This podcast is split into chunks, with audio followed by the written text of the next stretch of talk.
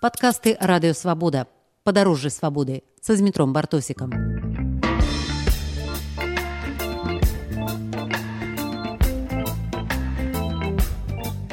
У эфіры радыё свабода пры мікрафоне зміцер бартосік гэтым разам мы едзем у шаркаўшчынскі раён на самае вялікае балота ў свеце ельню.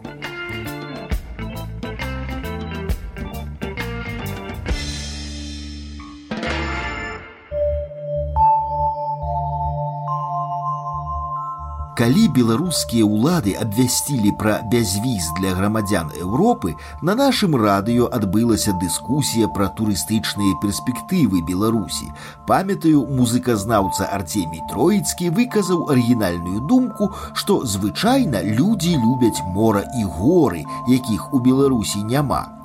Вось калі б людзі любілі балоты, дык Беларусь не іначай увайшла бы ў топ-пяцёрку турыстычных краін. Але шаноўны пан Артемій Артемій памыліўся.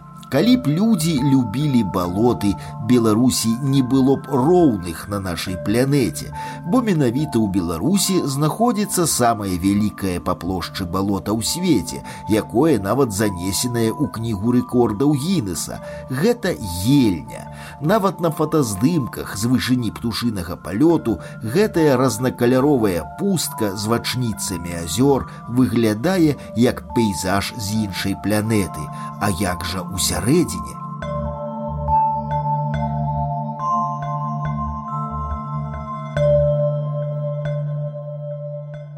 Іван Мядзелец, былы настаўнік з Германавіч, абышоў балота ўздоўж і ў поперак, ведае ўсе ягоныя азёры і астравы, пакаштаваў усе тутэйшыя ягады і грыбы. Некаторыя расліны ў Беларусі растуць толькі тут, на ельні. Мы стаім са спадаром Іванам у лесе, які хавае балота ад людзей. Іван Августинович, чым можа прывабіць турыста балота? болото надо его ведаць что ж тебе хтосьці расказаў чаму что вот галоўнае что это самых что расліны якія что расліны такія якіх няма ў других месцах ну напрыклад это самая такая ягода якая называется это сам морожка чулі такое так. морожка так вот морожка у России там она вот так там и в Архангельской области, и в там, Ленинградской, а тут у Беларуси это великая-великая редкость. Я вот на, на, читал, что расце вот тут у шумеліна там где так ёсць па віцебскай области но не дае плодоў а вот адзінае месца дзе яна расце і плоданосіць і вялікай колькасці нават гэта ельня Адзінае место ва ўсей рэспубліцы. Одно место недалёк ад возера плоскае, так, вот, а потом далей углыб. Балота гэта рай для сапраўднага аматара прыроды. Да. раслін потом тлакнянка. Не ведаеце, што за такая ягода? Не, першы раз чую. Тлакнянка. Ее другое Другая назва этой ягоды – это медвежье ушко. Так? Это одно и то же. И вот есть маленькое озеро, тут можете найти, это самое, которое и в озеро называется медвежье ушко. Почему? Потому что она немножко вот лакнянка листочками своими похожа на брусницы, но они другу, другие. Запах, все такое. А, а, это раз, разные ягоды. А чему? В озере называется и ягода, медвежье ушко. Вот ранее были тут медведи, вот в 19 столетии вспоминают и так далее. И вот плавал медведь, и он обычно говорит, уши поднимает кверху, вот, и это уши моцна-моцна на, напамінаюць вот лісточки этой ягоды. А ягода кром это в расце так вось это и называемое и озеро называли и толокнянку медвежьим ушком называют. А что толокнянка? Потому что собирали ягоды толкли и добавляли, вот, ну, пекли пироги, там все такое, вот, в общем, и даже когда не было сигарет, так некоторые ленились там это махорку сами садились, ну, некоторые садили, вот, ну, во время войны, когда, когда там, ну, не было закурить, когда, значит, вот эти листочки собирали, этой толкнянки, сильно довольны были, что поднимает тонус, как бы, и что распаўсюджаная думка была, что как бы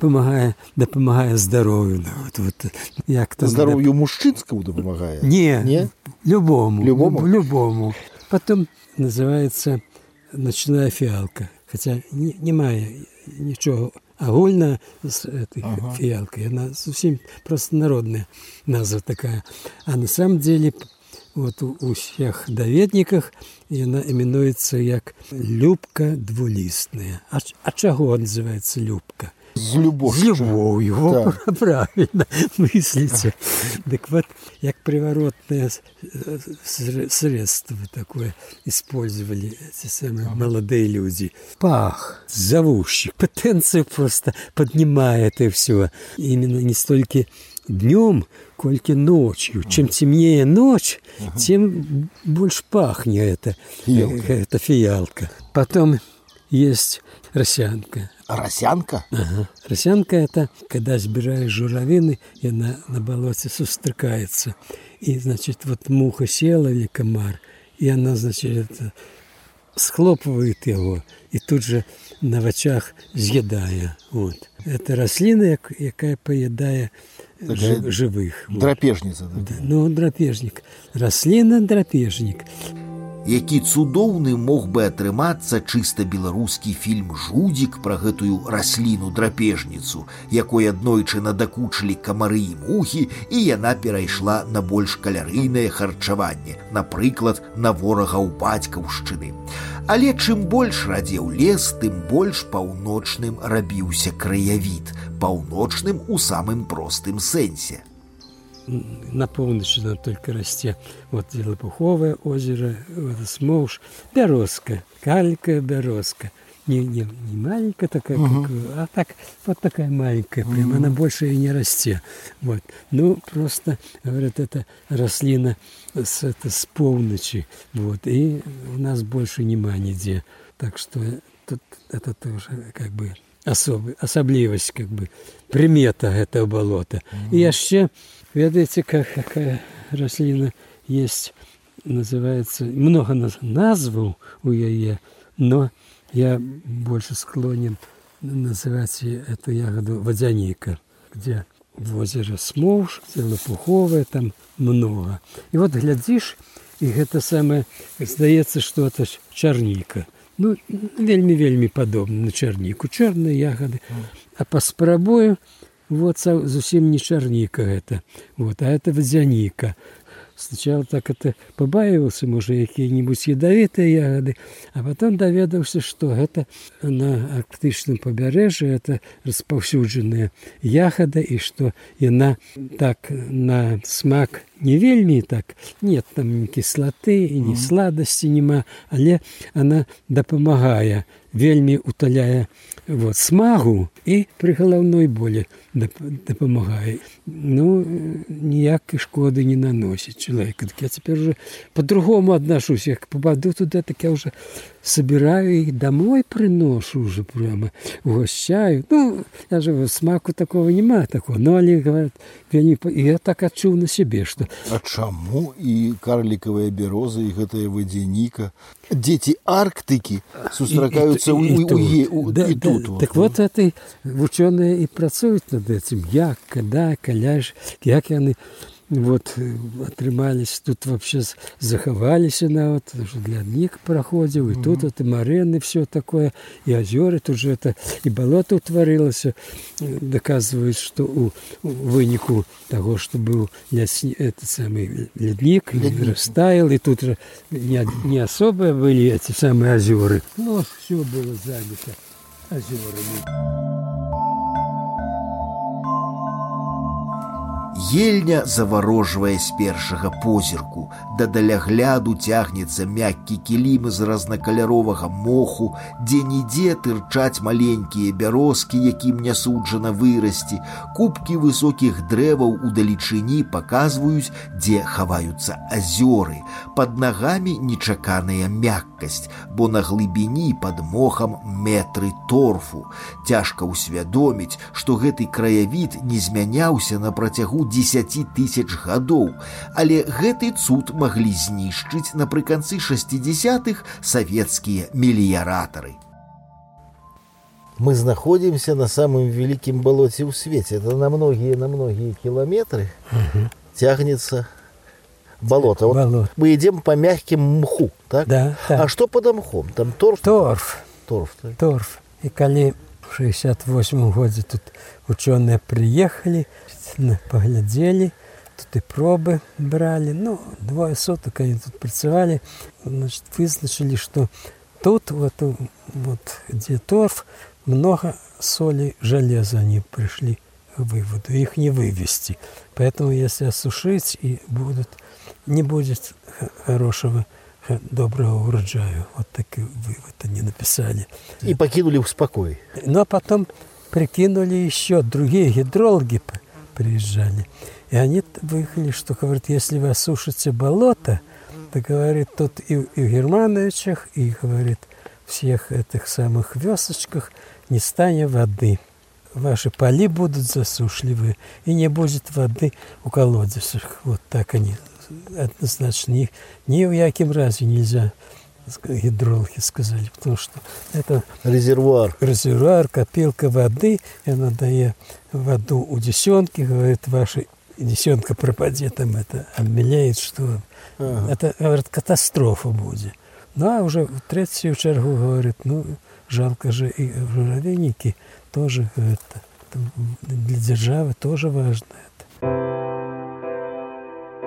Мне стало крыўдна, што такую сапраўды некранутую прыродную чысціню акрамя нас ніхто не бачыць. Мірскі замак гэта вядома крута, не кажучы ўжо пра курган славы. Але што гэта ў параўнанні з магчымасцю адчуць сябе сапраўдным першапраходцам, першым чалавекам на зямлі. Тут туристов приезжаете. Был даже про, нават профессор с Венского университета, при- приезжал сюда. Потом пара китайская, молодожены. Только китаец женился, я уже забыл. Цена голландцы, цена чешцы такой. Яны не памыліліся з месцам для медовага месяца. Ну, Я на ме- іх вот, разумею. а. Это меньш банальна, чым Да, это турецкі бераг. суток трое, по-моему, они прибыли на этом болоте. И, ну, вельми там, вельми задоволены были. Людзей сюды цягне адсутнасць цывілізацыі. Да, уходят злые мысли, как ты там о вечном задумываешься. Это дзейнічае вельмі добра на человека. Вот. Потому што гэты пейзаж ён не мяняўся з часоў Не, ледавіка. не, Як ледавік адышоў, Як вот появился и все-таки, потому что это сосенки и эти сами березки, они не растут. и они вот, ну, и сейчас немножко тут после пожара они чуть, чуть крыху подрастут, але великими николя, николи они Не не, вырастут. Это просто закономерность такая, что ну, сама глеба не дозволяет им расти. На то и болото, что у них. Ну, где вот такие суходол, вот более высокие места. Так вот есть островы, например, вот там несколько островов у центре болота есть вя- самый великий. У старые часы его называли буйным, переименовали, назвали его Еленским островом. Но в народе называют не Еленский, остров Робинзона, что там старичок жил один в 30-е годы.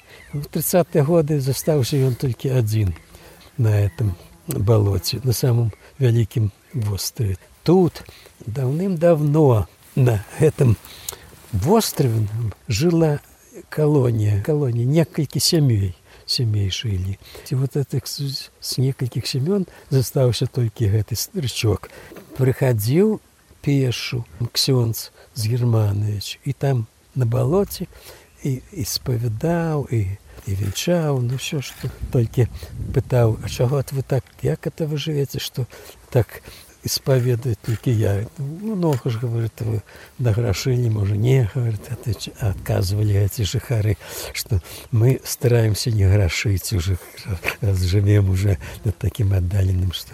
А вот люди идут, это, это ягодники? Не, не ягодники. А сейчас узнаем, может, знакомы. На балоце між тым паказаліся людзі, няўжо замежныя турысты, але пра гэта наступным разам.